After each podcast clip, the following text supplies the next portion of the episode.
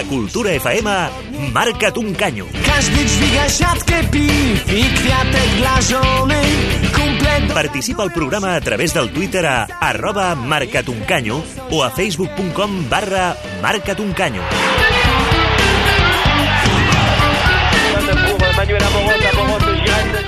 Bona nit i benvinguts un dilluns més a la Casa del Futbol de Cultura FM, dia en què analitzarem tot el que ha donat de si aquesta darrera jornada de Lliga, amb un Barça demolidor, un Atlético complidor i un Madrid que pateix per tirar endavant els partits, tot i el denominat efecte Zidane.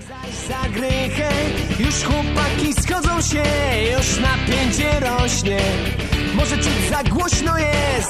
Avui parlarem de Messi, com no, de penals del Madrid, però sobretot de de la Champions League, que torna a sonar amb força aquesta setmana amb quatre partits trepidants per tancar els vuitens de final. Dimecres visita el Camp Nou l'Arsenal del senyor Wenger, el que després d'anys i panys de bufar-li els vents a favors, sembla que ja no compta amb el suport de l'afició Gunner, un escenari nou que, sumat als mals resultats, no són el millor presagi per enfrontar-se a l'equip més en forma d'Europa. Però el futbol té aquell percentatge de màgia, d'imprevisible, si m'ho deixeu dir així, que fa que ningú es pugui desconnectar a la Lliga de Campions. Posarem sobre la taula tot el que pot succeir en aquest duel a l'estadi Blaugrana i també parlarem de favorits al títol ara que s'acosten als quarts de final. Però això serà més tard amb els nostres tertulians i un munt de peces, reportatges i altres sorpreses que hem preparat per fer de banda sonora d'aquesta prèvia. A la part final del programa ens visitarà el Marc Lledó per descobrir-nos alguna de les perles de la Lliga francesa que aquest cap de setmana s'han dut al PSG a falta de 8 jornades pel final. I ja sabeu que també podeu participar amb nosaltres des de casa, com és habitual.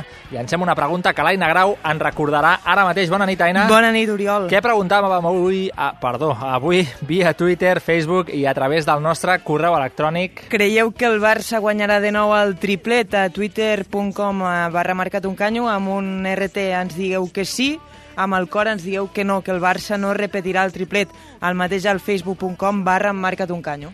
Perfecte, Aina, moltes gràcies. A les vies de so i tenim el David Gutiérrez Guti tocant els botons, avui el fem anar de bòlit. I ara que passen 3 minuts gairebé de les 10 de la nit iniciem el programa amb el resum sonor del que ha passat aquest cap de setmana.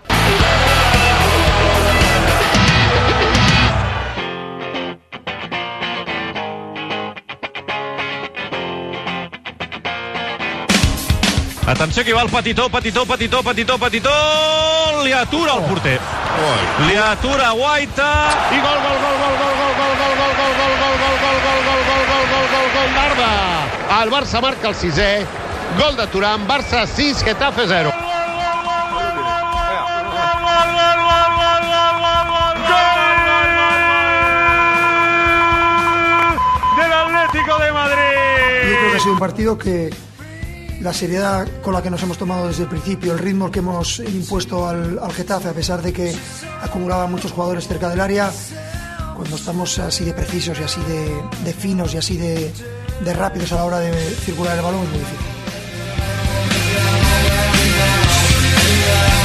¡Remata! ¡Gol, gol, gol de Casemiro! ¡Pobre Las Palmas! ¡Gol de Casemiro! ¡Marca el Madrid! ¡Marca Casemiro! ¡Real Madrid 2! ¡Marcó Casemiro! Unión Deportiva Las Palmas 1. De todas formas, si nosotros queremos esperar algo de, de alguna forma de lo que tenemos por delante, tenemos que jugar mejor. Esto está clarísimo. Si no, así, de todas formas, no vamos eh, a ninguna parte.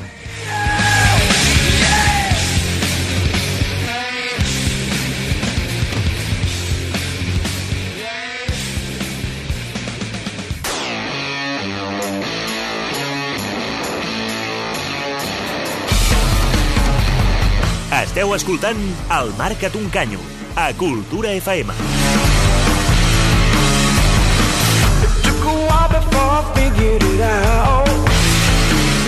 Un cap de setmana menys a la Lliga i la Champions a l'horitzó. Ho repassem tot seguit amb els dos tertulians d'aquesta nit que ja ens acompanyen. En primer lloc, el Marc Lledó, creador de Blogo Bonito, web dedicat al futbol internacional i expert del programa en descobrir perles europees. Bona nit, Marc. Bona nit. I a l'altre costat hi tinc a l'Alejandro Rodríguez, periodista. Bona nit, Alejandro. Bona nit, Oriol. Tenim la taula de debat ben farcida per avui, nois. Ara mateix ens hi posarem, però deixeu-me explicar que parlarem de la superioritat blaugrana a la Lliga, dels penals que no entren, d'un Atlético fiable i d'un Madrid que no carbura, com dèiem a l'entradeta del programa, i de la Champions, sobretot de moltes Champions, i del PSG, primer campió de les grans lligues europees. En 10 segons, ni us mogueu. La tertúlia del Marca't un canyo. Si vols formar part del nostre debat, pots intervenir-hi a través del Twitter a arroba marcatuncanyo o a facebook.com barra marcatuncanyo.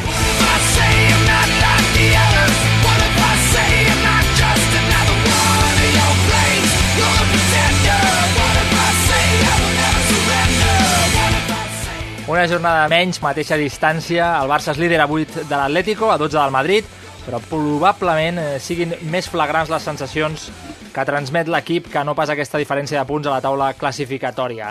No sé si us fa l'efecte inclús que aquest Barça li costarà perdre cap dels eh, 8-9 partits que li queden en, en Lliga, Marc. Home, jo crec que si passa els dos que venen ara de Villarreal i Madrid, eh, que són probablement els més complicats, ja ho té, ho té més que fet i podrà baixar marxes i podrà relaxar-se una mica. Però com els veus, aquests partits?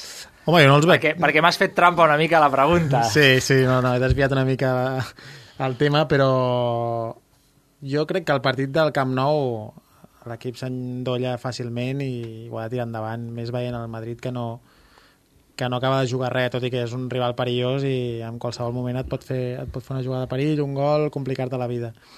El Villarreal, bueno, aquesta temporada ens ha demostrat que és un equip bastant fiable, tot i que pot tenir partits grisos com el de l'altre dia a Sevilla i bueno, jo crec que el Barça està capacitat per si juga amb el trident i un equip més o menys raonable darrere la cosa sortirà bé. Doncs jo aquest Barça realment tinc, tinc pocs dubtes. No crec que, que perdi a Villarreal, el que sí que em genera més és el Madrid, perquè tots sabem que un clàssic és un clàssic i hem viscut èpoques on el Madrid era qui dominava la Lliga i Europa i arribava el Barça i empataven a un o, o empataven a qualsevol altre resultat. Eh, amb això vull dir, el, el Barça el veig, el veig ficat en, en no perdre cap, cap partit, jugui qui jugui, eh, d'aquí a final de temporada, perquè tots es volen jugar al lloc, hi ha molt per jugar-se perquè, a part de la MSN i al mig del camp, Iniesta i Busquets hi ha alguna posició lliure, hi ha, hi ha, hi ha partits i,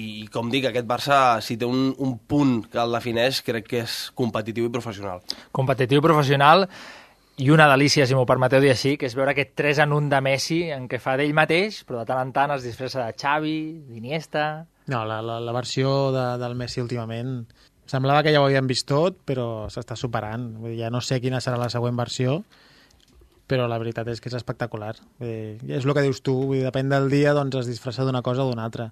Ara li interessa marcar, vull dir, últimament està està que xuta des de fora de l'àrea i te l'acaba per l'esquadra, com de repent es tira més enrere i es dedica a circular la pilota i a caminar. La, la jugada contra el Getafe, d'acord, és el Getafe, no perdem els papers, no, però, però és des un de que la comença divisió. Neymar fins que la defineix Messi a la frontal, Doncs mira, Oriol... és espectacular. Eh, discutia amb, amb, una, amb un company que em deia que el, el Messi ja no, ja no tenia aquell regat, aquell regat tan espectacular. I, I jo li deia, és que és tan intel·ligent que és que és això, es canvia la disfressa quan li convé al partit.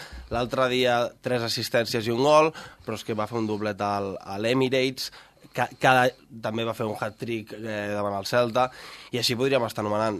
Jo, Messi, tinc un, un sentiment dins que em fa creure que quan Messi marxi hi haurà un any de dol perquè és una cosa que no ens estem procurant de gravar-nos a la memòria. El Marc fa un any només Un eh, any? amb No, el dit. no. Quan marxi Messi serà... Tornarem a Serra Ferrer, Reixac, Antich i companyia. Home, espere, esperem que no, no? Amb Neymar, si més no, intentarem aplacar sí, sí. Eh, el cop, no?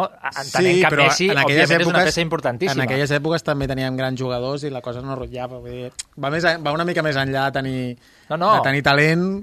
Messi t'ha donat els 20 i escaig títols de, de l'era actual del Barça, no ens enganyem, sí. sense Messi no els tindries. I per tant hi ha d'haver un procés, diguem, de reposar-se, de saber que no es pot jugar el mateix, o que segurament sí, però no amb la mateixa efectivitat, Sí, sí, costarà, costarà sense anar més enllà canvi. fa tres assistències contra el Getafe, però en podien haver estat vuit si arriben a convertir totes les passades que fa.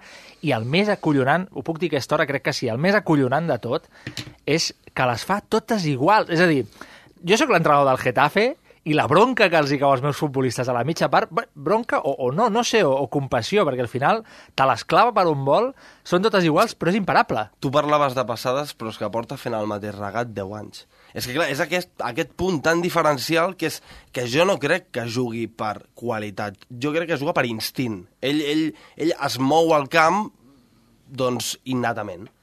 No, no, és, és totalment això. El tema dels penals, però, ja sé que es fa pesat, eh? però ja que hi som, ja que parlem de Messi, les alabances, anem potser a la, a la marca, no? al punt negre, si se li pot dir així, d'aquesta temporada.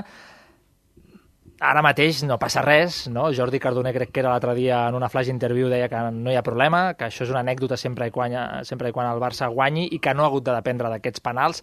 La meva pregunta és si en una eliminatòria en què els puguin necessitar fallar-ne tants prèviament pot marcar, pot, pot diguem, moralment et, et pot eh, Jo crec que sí. diguem, minvar la capacitat. Jo crec que hem entrat tots en una psicosis amb el tema penal que no ens preocupa perquè anem 6-0 i llavors no ve d'aquí, però sí que ens en recordem d'aquell penal de, contra el Chelsea, em sembla recordar fa 3 o 4 anys, vull dir, bueno, una sèrie de penals que també ha fallat Messi en moments clau, que la veritat és que millor que no ens hi trobem, eh? perquè el run-run de l'estadi pot ser d'aquells de... Em puc equivocar, eh? Em puc equivocar, però no el fallarà.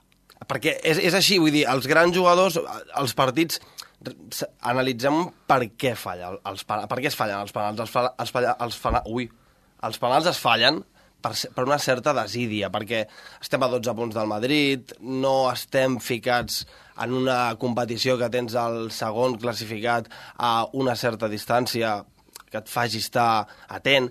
Mm, jo tinc clar, el dia de l'Arsenal no el va fallar. No ho sé, jo, jo crec, jo sincerament és el que pensava, Marc, jo no tinc clar que el dia que hi hagi un penal important pot passar el del Chelsea, l'excepció que confirma la regla.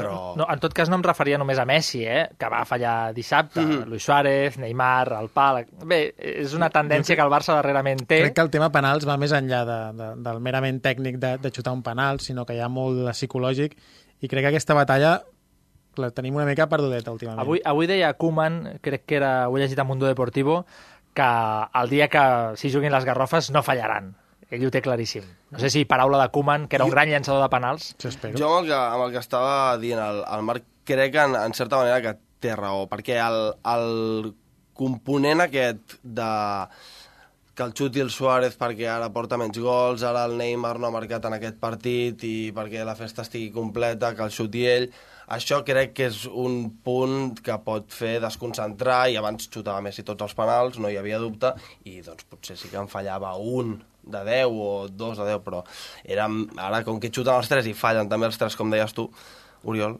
M'indicava l'Alejandro tot just abans que us preguntés pels penals que el Granada havia empatat contra l'Espanyol, Granada 1, eh, Espanyol 1, gairebé a 5 minuts d'acabar el partit. Va, anem cap al Madrid, que va guanyar ahir per 1-2 a les Palmes de manera agònica. Veient com juguen, no sé si teniu ganes que arribi el clàssic ja del dia 2 d'abril al, al Camp Nou. Abans el Marc ho comentava, veia potser més fàcil aquest partit que el del Villarreal, no sé si ho he interpretat malament. Potser m'he passat de frenada, o sigui, evidentment un, un clàssic és un però, clàssic, però us, però, però us ve de però, gust que arribi ja? Sí, com abans millor. Jo crec que, que arriba en un bon moment i, i el que també està bé, doncs, que bueno, el partit de l'Arsenal pues, serà un partit important, però no, no suposa aquella exigència d'haver empatat o haver tret un mal resultat a, a l'Emirates. Vull dir que jo crec que arriba bé, en un bon moment podrem anar amb les forces i, i la intensitat necessària per afrontar un partit que bueno, serà complicat, però que ara per ara els dos equips no es poden comparar. Sí, no, no, és que no, no, hi, ha, no hi ha punt de comparació amb cap, de, amb cap equip del món, crec jo, amb el, amb el Barça. Potser el que li segueix una miqueta per contundència i, i, i victòries és el, el PSG o el Bayern, però la resta no. En aquest cas, el Madrid, a mi em, em, em sorprèn la capacitat de registres o de maneres que pot acabar guanyant aquest Madrid perquè el partit d'ahir, la, la primera part, Keylor una altra vegada Salvador, i la segona suporífera. És, és, és que sembla difícil comparar, veure el Barça i després veure altres equips jugant. A mi em, em, em, em sobta el, el baix nivell que hem arribat, perquè el Madrid ahir eh, Zidane es fuma a Kroos i a James, i el Madrid treu un mig del camp amb Modric, Isco, que són probablement dels 10 millors interiors d'Europa i, i no juga res. És que té un problema de, de governació per mi important. I qui li anava a dir a Casemiro que acabaria sent l'heroi, que també, també té, té tema a la història, el que sí que demostra la perspectiva del temps, si més no, és que Benítez no era el problema realment, que era algú altre. No sé si us aventureu a, a dir qui era o a assenyalar qui era. Jo assenyalo Florentino sense cap mena de dubte. Dedueixo que no va deixar de treballar a Rafa Benítez perquè es va veure que la poca vergonya que tenen aquests futbolistes després de que eh, Florentino s'assés Rafa Benítez al primer partit davant el Deportivo que guanya el Madrid 5 a 0 al Bernabéu, els jugadors surten a, a, a menjar-se la gespa. Llavors, crec que és un problema de dalt que ha mal ensenyat i ha desestructurat tot el, tot el, la estructura, si podríem dir-li d'alguna manera, perquè el Madrid tampoc té un director esportiu clar o, o, o un entrenador que tingui poders per fer el que ell realment vol. A veure, en Benítez potser no era l'entrenador que necessitava el Madrid, però la planificació de plantilla tampoc és la que necessita el Madrid per ser el que els seus aficionats esperen. Vull dir, jo crec que és multifactorial i va molt més enllà de l'entrenador, que Sí, probablement però... tampoc era el perfil que, que, que demanes, però... Però el desgavell arriba just després de la dècima. Prescindir de Carlo Ancelotti crec que és la pitjor decisió Probablement. que hagi pogut prendre Florentino els últims anys. És un mateix exemple que va passar amb Del Bosque. Vull dir, era algú que no es ficava en els problemes dels cracs, que intentava mantenir l'harmonia del vestidor i que si el grup era prou bo futbolísticament, com el Madrid té molts bons jugadors, si la dinàmica de grup funciona, doncs les coses van endavant. Després poses Benítez que els hi fa fer coses que no els agraden, els posa de cul, i llavors, bueno, la cosa no funciona. No sé si enteneu, però que ahir l'únic focus d'autocrítica a la Casa Blanca fos Zinedine Zidane, perquè escoltaves els jugadors en zona mixta o a Butragueño i allà no havia passat res. I en canvi Zidane va ser l'únic, com hem sentit abans en el, en el resum sonor que ens ha preparat l'Aina Grau, que deia, jugant així, nois, no farem, no farem sí. absolutament res. si més no és curiós que l'entrenador sigui l'únic que, que, que vegi les coses d'aquesta manera. Normalment sempre intentes tapar al màxim el mal joc dels teus jugadors o, o com a mínim no tirar-hi més llenya al foc. I la veritat és que com a mínim se li ha de reconèixer a Zidane que és un, una persona coherent i que diu les coses tal com són. Jo crec que poques vegades en els últims temps hem vist un entrenador que digui aquestes coses i crec que és per la llicència que té, crec perquè té un nom que es diu Zinedine Zidane i, i hi ha gent que el respecta allà dins. Ah, pensava que anaves a dir ja nacido per entrenar al Real Madrid. No, no, D'acord, endavant. Aquesta la que és el firmat al marca. No, doncs, em dóna la sensació que és això, que ell té un, un estatus sobre els jugadors i, i Florentino li té respecte, va ser el, el, dels seus primers galàctics i crec que va dir això perquè ho podia dir. Benítez eh, deia el que deia i el penjàvem. Llavors, mm, no sé, Ancelotti, clar, no es va mullar mai, era amic dels cracs i era amic de la direcció. Llavors, poques queixes podia tenir a l'entorn. Fa la sensació, però, que, que Zidane, potser m'equivoco, però no durarà molt al Real Madrid segons com vagi la cosa, però potser és una sensació meva. Aquí ho, aquí ho deixo. a Madrid tenen una història, que és que si acaben guanyant... La, bueno, ells fan una lliga i, i després poden acabar guanyant la Champions i no hi ha, no hi ha, no hi ha problemes, no hi ha errors, eh, la Champions ho és tot, i després de la dècima hi havia un problema. Va marxar Di Maria i l'equip, doncs, que va ser el millor jugador d'aquella final, i, i l'equip van acabar avall. Llavors... De, de fet, aquell Madrid comença a revifar en el moment que Di Maria passa a fer d'interior Sí. I, i, juga com ha de jugar. Jo, i aquell any Di Maria, bueno, aquell any Di Maria, eh, recordem tots la substitució al Bernabéu, tocant-se les parts nobles, per dir-ho d'alguna manera, i, i va acabar sent el salvador de, del Madrid. Jo veig que, que, que allà fal, falta, falta un canvi, però després parles amb la gent de Madrid i, i tothom venera Florentino. Sí, tothom el venera. En tot cas, ara parlarem del Madrid, de les opcions de Champions, de seguida obrirem aquesta carpeta, però abans, dues coses. Deixeu-me fer dues coses. Un, el Leicester guanya 1-0 al Newcastle United, Newcastle del recent fitxat Rafa Benítez. L'Espanyol a punt d'acabar el partit amb empat a 1, al Granada hi ha hagut una expulsió, i la segona cosa que vull fer és que l'Aina Grau ens recordi ràpidament que preguntem avui als nostres oients via xarxes socials. Doncs molt fàcil, ara que parlem del Barça, si creieu que aquesta temporada farà història, continuarà fent història i farà el triplet.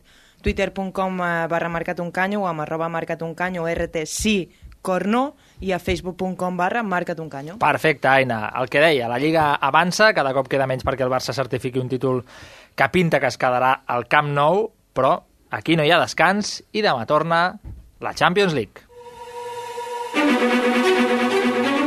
Jugada per Neymar. Neymar cap a l'esquerra, Suárez. Suárez la torna a enviar per Neymar. Neymar corre per l'eix. Neymar se'n va cap a l'àrea contrària. Entra l'àrea Neymar, l'envia cap a l'eix, juga per Messi. Remata Messi, gol, gol, gol, gol, gol, gol, gol, gol, gol, gol, gol. Leo, Leo, Leo, Leo, Leo, gol! Gol, gol, gol, gol, gol, gol, gol, del petitó, del petitó, del petitó, del petitó, del petitó, del petitó, del petitó, del petitó, del petitó, del petitó, del petitó, del petitó. I el títol de la pel·lícula és claríssim. Contraatac letal! Messi, Messi encara, Messi a la frontal, Messi la posa picada al punt de penal, el rebuig torna a ser per Messi, cau a l'interior de l'àrea, penal! Ahí va el 10 buscando el gol 10.000 en la historia del Barça y lo tienes. Gol, gol, gol, gol, gol, gol, gol, gol, gol, gol, gol, gol, gol, gol, gol, gol, gol, gol, gol, gol. L'han robat, l'han robat, l'han robat. Xec s'ha anat cap a l'esquerra i Messi suaument li ha col·locat la pilota a la dreta. Ha marcat Messi el segon del Barça.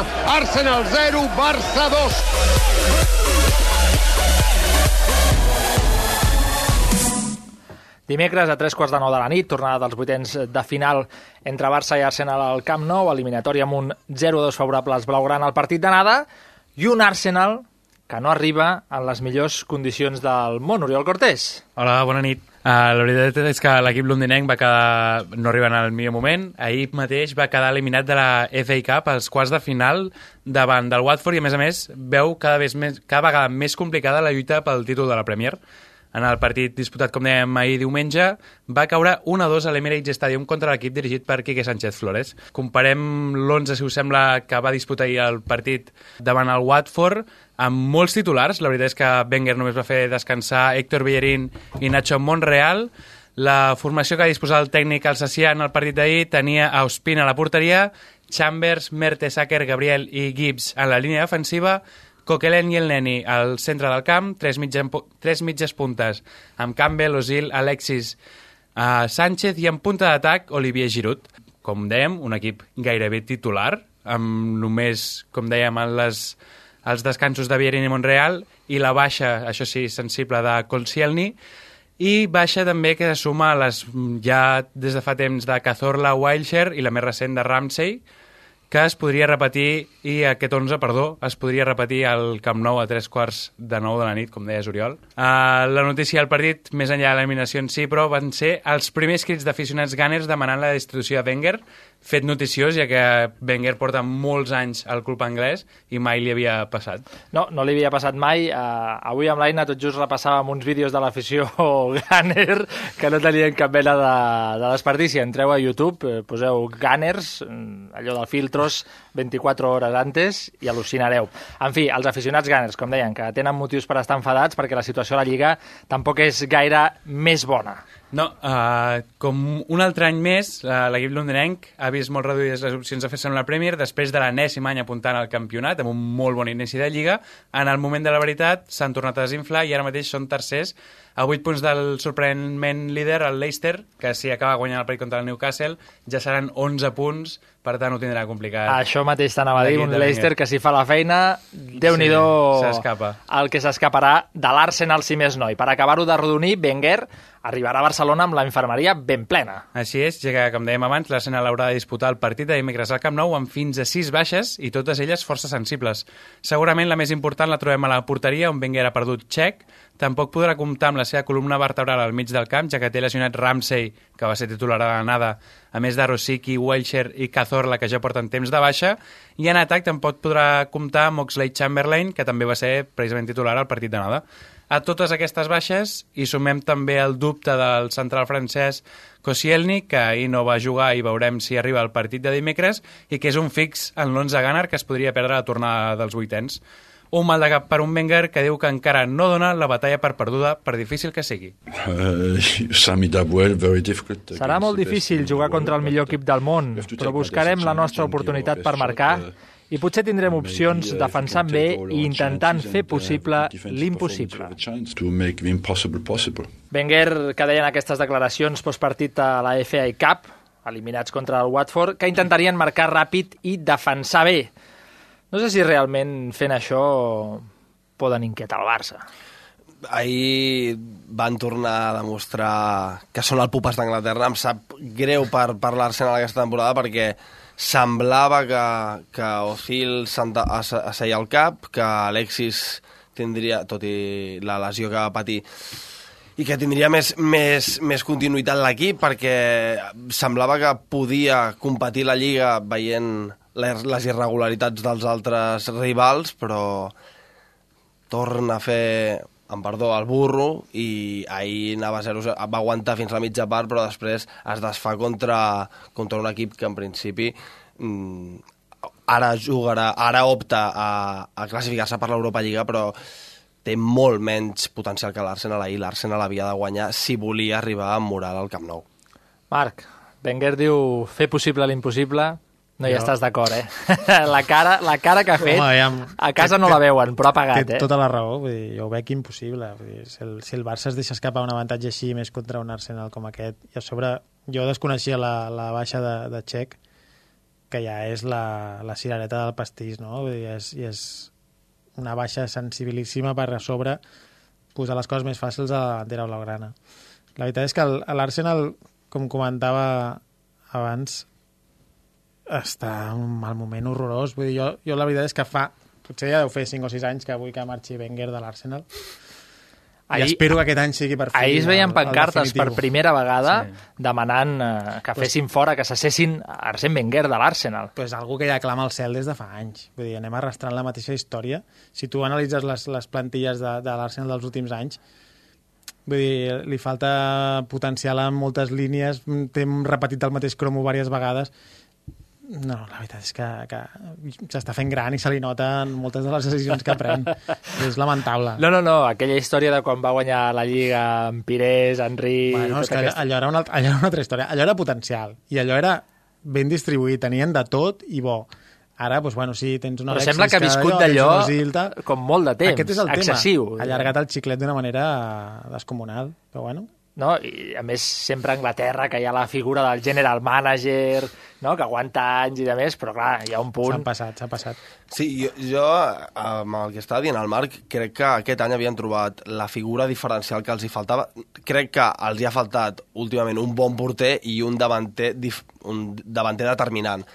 Crec que, com deia, Txec és la baixa per excel·lència, perquè crec que Ospina em sap molt greu però no està al seu nivell, i a dalt semblava que Giroud agafava una altra ratxa, però ha tornat a baixar la forma, s'ha recuperat eh, Welbeck i tampoc el veig a Welbeck per fer moltes meravelles al Camp Nou i ja ho estem veient. Ahir va marcar, tot i això, però és que és això, les rentes ja hi ha una, una, un temps que s'acaben i Wenger no ha sabut renovar-se, no ha sabut... Bueno, renovar-se sí, perquè ha fitxat, ha fitxat, va, va gastar-se diners amb, amb Ozil, va gastar-se diners amb, amb Alexis, però jo crec que és ha- hauria d'evolucionar, no, no renovar jugadors, és el que diu ell. És que tens mo el mateix cromo moltes vegades, és molt complicat. Al mig del camp el té tota la infermeria, però tant se val. És que tots aquests jugadors I- i són el mateix perfil. Això també és digne, Tots. és digne d'estudi, les lesions que pateix l'Arsenal. És, és un, un equip que, si comptéssim les lesions, bueno, Vermaelen va estar gairebé dos Potser- anys sense jugar i va venir aquí i es, bueno, Potser el metge és familiar de Wenger, Segur. té allà endollat. bueno, s'hauria de veure... Podria la, ser, no? Potser les, els mètodes d'entrenament són igual de, de vells que, que Wenger. vull dir, Estem fent un Tata Martino. Uh, Pues vols mira. dir? Digue'm. home, però amb bastant més crèdit al senyor Wenger que al pobre Tata, no? No, imagino. El que passa que de tant en tant en aquest programa ja sabeu que ens agrada ha de sortir el nom del Tata. mencionar el Tata. Des d'aquí un petó, Gerardo, si ens estàs sentint, segur que ho fa. Home, pa- segur que ho parla, fa. parlàvem del crèdit de Wenger, estic d'acord. vull dir, vamos. Vols parlar del Tata, ara? No, no, vull Ah, parlar de Wenger. No, que o sigui, tenim l'època gloriosa de l'Arsenal que comentàvem abans de, de Thierry Henry i tal, i tenim les semifinals del Mónaco de quan el Barça per, per allà al 90 no sé quan, però és que això fa 20 i pico anys, vull dir, i el de l'Arsenal pues, en farà 15 o alguna així, per tant, al final no es pot allargar el xiclet d'aquesta manera. Vull dir, aquest home ha guanyat, què, dos fa-caps en, Sí. En l'última Dècada. 10 anys? Po Podries tornar a FA repetir que has dit FA FA Cup, perquè has dit FA fa Cup. cap i, FA i això és un insult força... Això són força nomenclatures força anglès, tremendo, sí, força greu en anglès. Són eh? nomenclatures que es porten des de petit i no, són difícils de canviar. Deixem els, deixem els fuck-ups a banda, tot i el bon resultat de la dada, suposo que que no és negociable que Luis Enrique faci rotacions. Ho veuríeu estrany o, o preferiríeu que les fes? No, jo crec que en partits així han de sortir els, els titulars. Encara que hi hagi un No. 0-2, No, l'Arsenal aviam, baixes... i, i més, o sigui, jugant al Barça a casa i contra un Arsenal ha de sortir amb els que la remenen millor. I probablement aquest sigui Iniesta, sigui Busquets, si m'apures Rakitic, o com a molt podria posar Sergi Roberto, però també haurien d'equilibrar la figura d'Iniesta doncs, amb, amb algú que, que tingui més desgast físic com Rakitic. Els de dalt són innegociables, darrere tornem a estar amb les mateixes, Piqué per distribuir, i els laterals, doncs, bueno, eh, podríem pensar una mica més, però al final seria un o dos canvis. Piqué diria que està Sí, sancionat. exacte. Doncs mira, aquí sí que hi hauria serà un canvi. l'únic canvi que segurament serà per Matier, que sí. sembla que té la confiança agafada de Luis Enrique. Jo estic amb ell. Crec que ara s'ha d'anar el que és important, el que és important és la Champions i s'ha de guanyar el partit. A Villarreal pots relliscar, però demà si rellisques un gol al, al Camp Nou, tot i tenir el trident, si l'Arsenal s'avança, necessitaríem un gol ràpid perquè amb qualsevol eh, relliscada pots, pots quedar-te fora, això és la Champions i, i ho sabem. Tinguem a Messi, tinguem a qui sigui, que hi ha molts equips que, que s'han quedat fora. Dimecres, més enllà del partit, al Camp Nou, viurà el retorn d'Alexis Sánchez. L'Aina Grau ens ha preparat una peça sobre retorns per mirar d'esbrinar amb quins ànims l'estadi blaugrana podria rebre el Tocopillano. La pilota Neymar, fa una passada en profunditat per Alexis, Alexis, Alexis, encara Baran, continua Alexis, se la posa a la dreta, la pica, gol!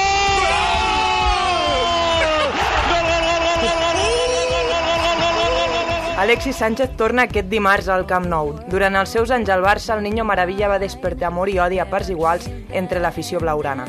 Demà, un any i mig després del seu adeu, el xilè tornarà a trepitjar el Camp Nou. Però com el rebrà l'afició?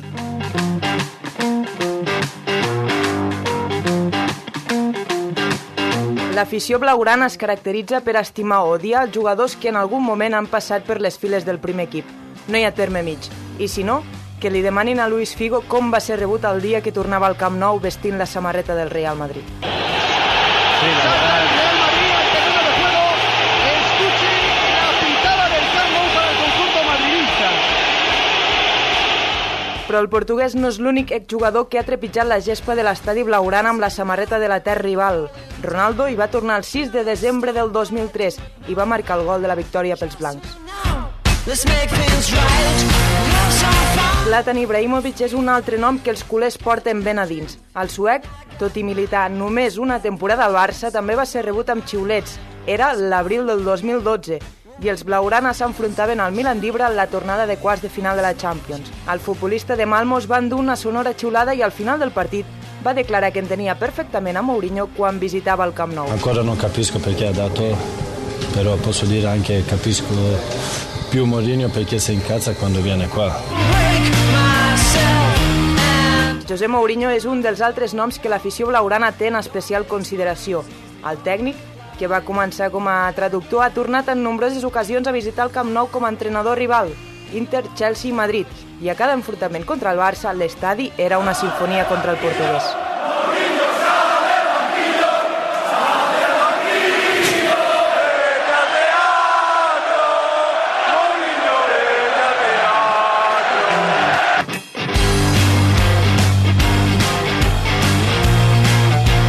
Això, l'afició blaugrana també és capaç de posar-se d'en peus i aplaudir aquells futbolistes que van engrandir la llegenda del club.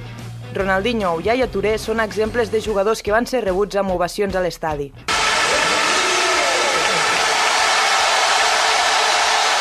Veurem quina és la resposta del Camp Nou demà quan per megafonia s'anunciï el nom d'Alexis Sánchez. Vaig amb la gent de la taula. Alejandro, Oriol, Marc, Aina, també us incloc. Jo crec que Com la- rebríeu Alexis? Jo el rebria amb aplaudiments. Jo crec que la gent el rebrà com si fos qualsevol altre. Sí, en sèrio, tinc la sensació que al Camp Nou diran a Alexis Sánchez... Fredor, vols dir? Fredor no, però que la gent dirà... Com, eh, aplaudiments tímids. No crec, xiular-lo no crec que el xiulin. Més faltaria, perdó per la intervenció, m'ha sortit a dir. Però, però jo crec que serà això de quatre aplaudiments i la gent molt... Bueno, sí, bé.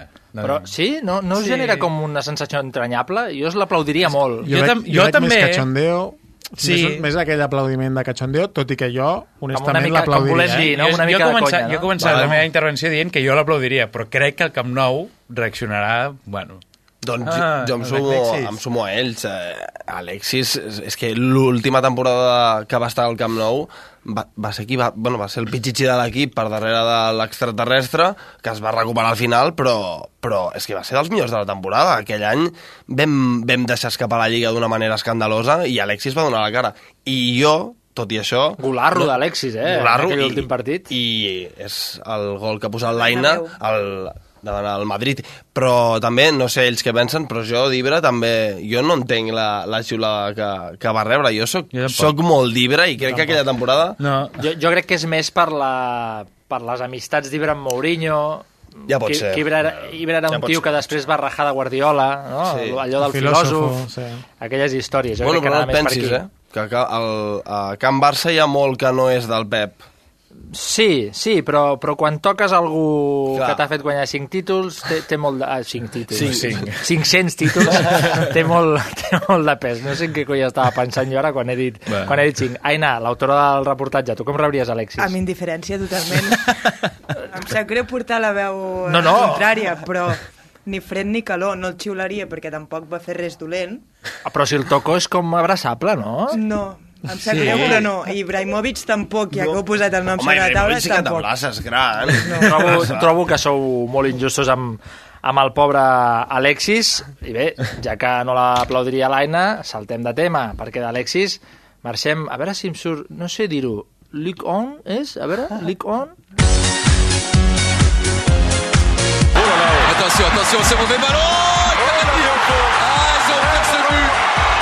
Ils ont offert ce but au Paris Saint-Germain. Les Parisiens sont revenus avec de la détermination. Ibrahimovic le but, ça Allez chercher. C'est d'après moi une marque d'intelligence de ne pas devoir faire de pénalty, mais bon. Cavani face à Dreyer. De pour Edinson Cavani malgré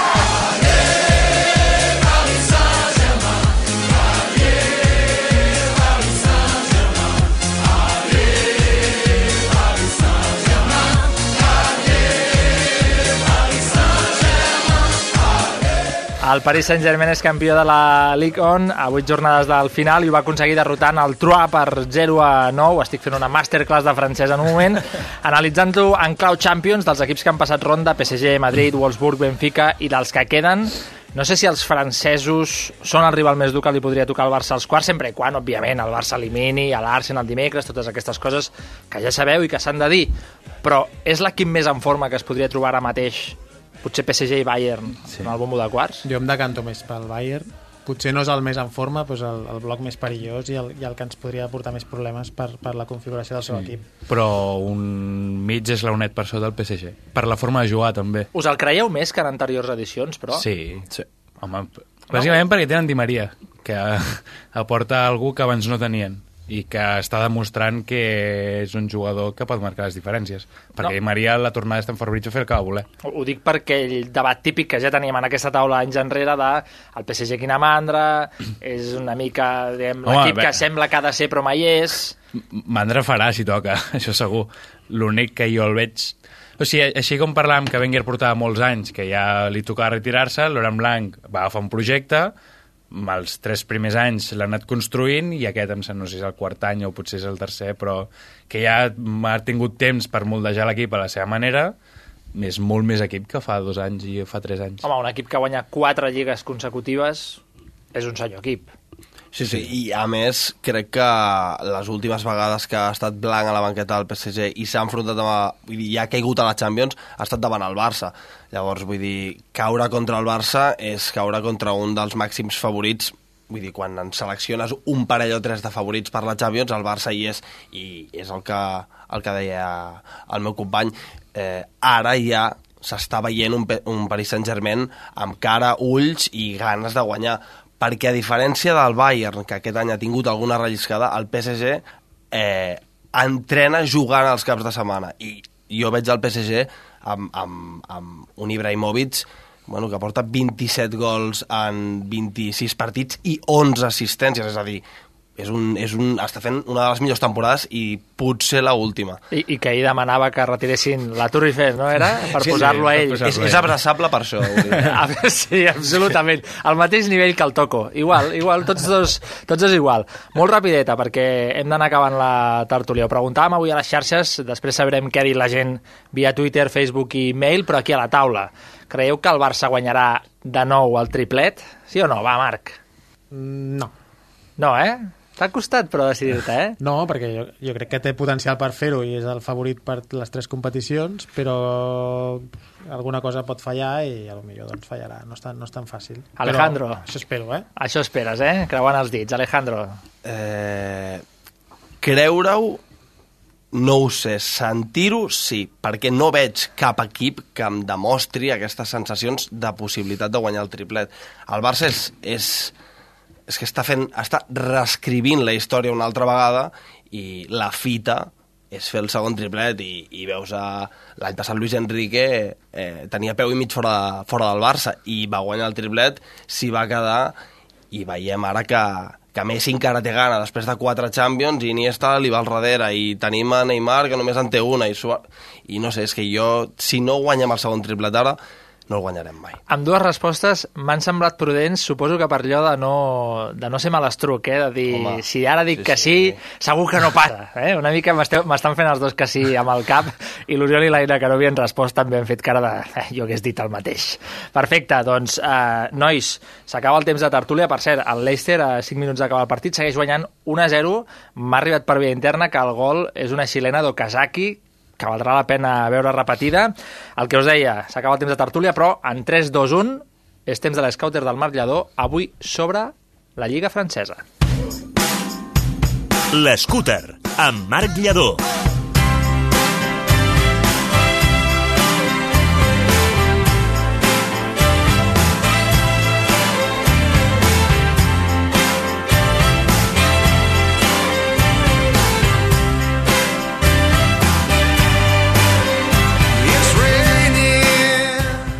Marc Lladó, de què ens parles avui? Va, ja, ja ho he dit jo a l'avançadeta de, de la Sempre- Lliga Francesa, sempre- però entenc que d'un equip concret.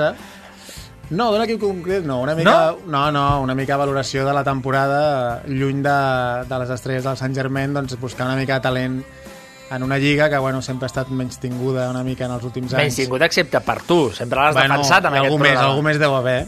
No, però, sí, d'acord, No, però... no, no, sí, a mi- és una lliga que particularment m'agrada força, que el, els dos últims anys no l'havia pogut veure perquè no tenien els drets cedits a ningú, però que ara puc tornar a veure i que bueno, hi ha equips interessants. Gràcies als amics de Bein interessants. Sports. Sí, correcte.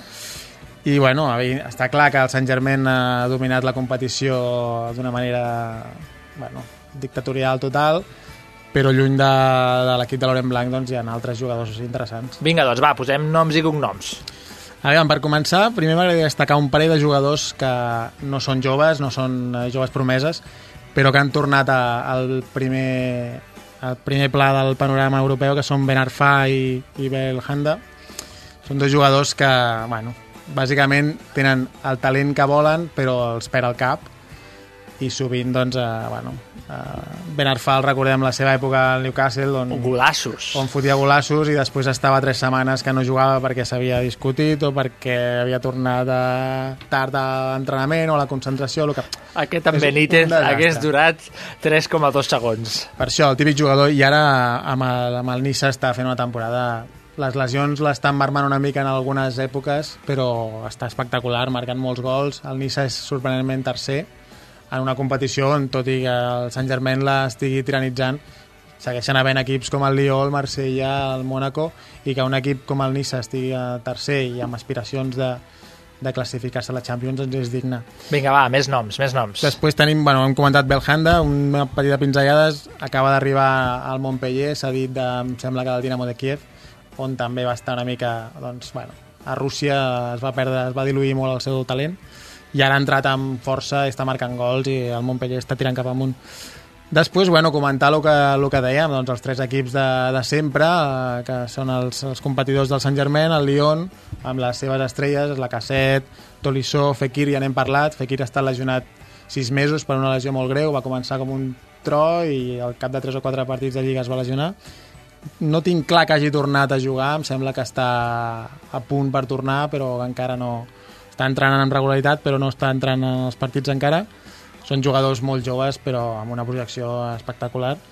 Va començar molt fluixet el Lió i ha anat recuperant i ja s'està posant als llocs capdavanters. Després el Mónaco, un equip que bueno, a l'estiu va perdre unes quantes de les seves estrelles. Recordem Marcial, recordem a Kurzawa, que se'n va anar al Sant Germain però bueno, aquesta mescla de jugadors veterans com eh, Carballo, Tulalan, Coentrao, Moutinho, amb, amb gent jove desconeguda com Fabinho, un, un mig centre lateral dret eh, brasiler molt, molt interessant, Touré, un altre lateral dret, que quan Fabinho juga pel mig, que es va lesionar també molt greument a principi de temporada, però que té un potencial enorme, Bernardo Silva, Lemar, bueno, tenen una sèrie de jugadors molt, molt, molt interessants. Ah, el Mónaco encara segueix en mans d'aquell magnat que va intentar fer un mega equip, que després la Jo- dona li va reclamar uns quartos. Jo crec que sí. I no ha acabat de funcionar, això.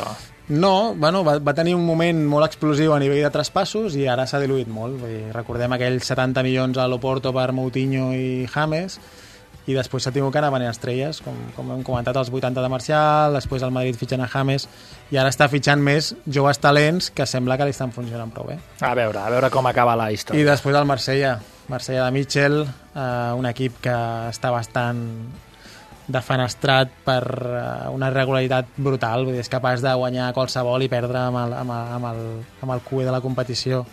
D'aquí se'n salva poca, poc talent, però bueno, Michi Batshuayi, el, el delanter, a mi em té el cor robat i és un, és un prometedor delanter que després comentarem. Val, perfecte, doncs això anem a fer. Anem a concretar de quins vols parlar, diguem, amb, amb més detalls, perquè m'has dit que faríem tres noms. Sí, he escollit tres noms, no, no perquè siguin els millors, sinó perquè són pues, gent que, que bueno, són d'habilitats eh, que tinc de fa temps. Un és Bernardo Silva, ja l'hem comentat com a, com a jugador del Mónaco, és un, un extrem portuguès molt jove, molt menut, la típica, la clàssica rateta que, que se'n va per, per dribbling, per, per agilitat, per velocitat, és esquerrà, acostuma a jugar per la dreta, acostuma a fer aquelles diagonals perilloses buscant la rematada, buscant la, la passada definitiva. La veritat és que, tot i la seva petita estatura, eh, físicament és, és fort, a, a, aporta molt a la recuperació de pilota en el, en el terç superior de, de l'equip. La veritat és que és un jugador molt interessant i que ja està entrant en els plans de la selecció de fa un temps.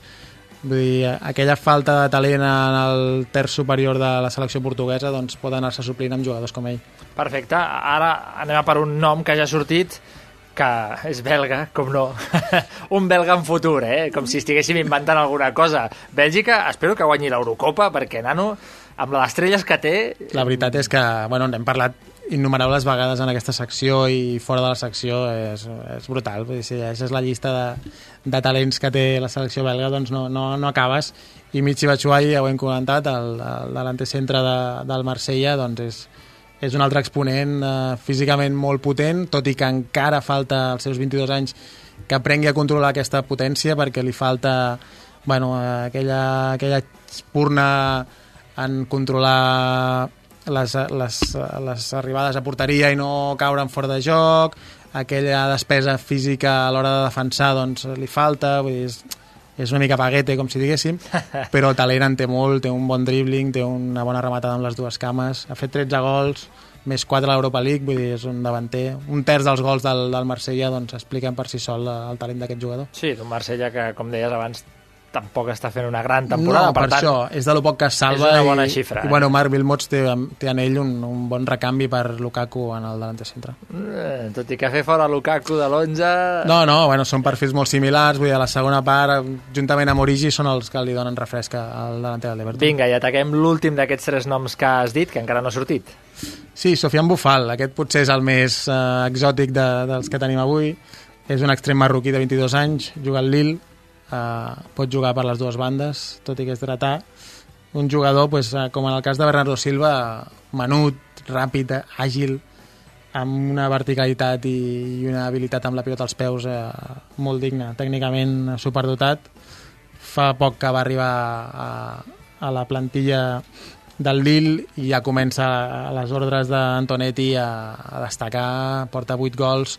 La veritat és que li mancava aquesta capacitat. A l'Anguers a segona divisió l'any passat doncs, li faltava gol, tenia molt, molt de desborde per banda, molt, de, molt talentós, li faltava gol i aquest any eh, s'està destapant amb el Lille i, i tot i que no és aquell Lille que va guanyar la Lliga fa 5 o 6 anys amb Hazard i companyia, però és un equip que té bona pinta i que Sidibé i Bufal estan fent una gran temporada. Perfecte, déu nhi la pila de noms que ens ha donat. Ens queden 8 jornades de Lliga Francesa, per tant... Podem estar una mica atents per veure els outsiders que poden anar a Champions, Sí, senyor. Europa League... Estarem atents a això i estarem atents als noms que, que avui ens ha descobert el Marc Lledó. Moltíssimes gràcies per aquest scouter, Marc. A vosaltres.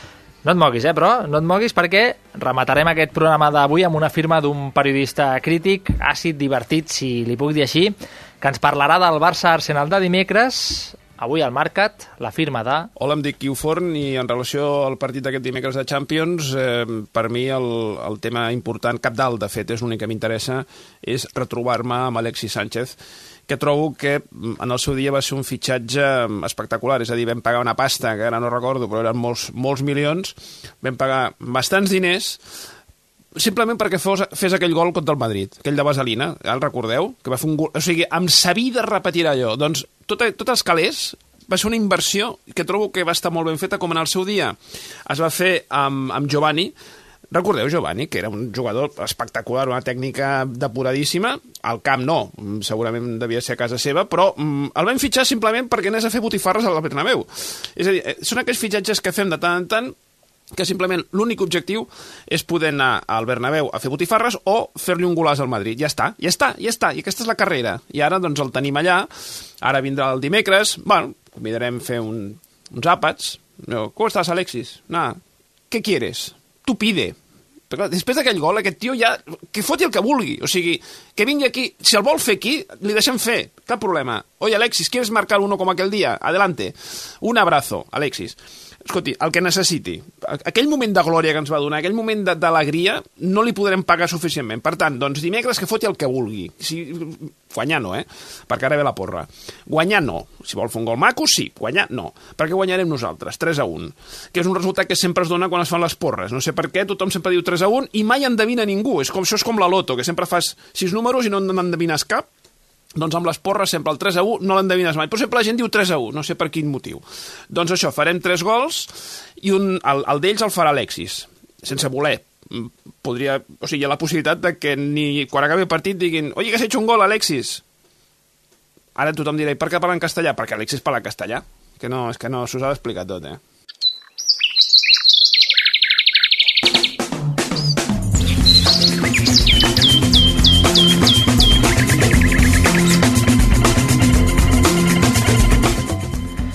I amb aquesta cinto arribem al moment en què llegim què ens ha dit la gent a les xarxes socials. Aina Grau, Oriol Cortés. Doncs creieu que el Barça guanyarà de nou al triplet i a les xarxes socials estan molt més optimistes que aquí a la taula. 4 vots al sí i 3 al no. Bueno, Bueno, bueno, bueno bastant empatadet. La gent s'ha s'ha atrevit, s'ha atrevit. Oriol Cortés, què tenim al mail? El nostre mail, el Ramon ens diu està clar que si algun equip ho pot fer és aquest Barça, Messi, Neymar, Suárez i companyia tenen molta gana. Jo hi confio, però la veritat és que la final de Copa davant el Sevilla em fa patir i molt. Una final que, per cert, el Barça demanarà a instàncies eh, de, de la seva afició, no, vaja, a instàncies de la directiva, que jugui ben d'hora, abans de les 7, perquè la gent pugui fer el desplaçament ràpid en dia laborable. Gràcies, Aina, gràcies, Oriol.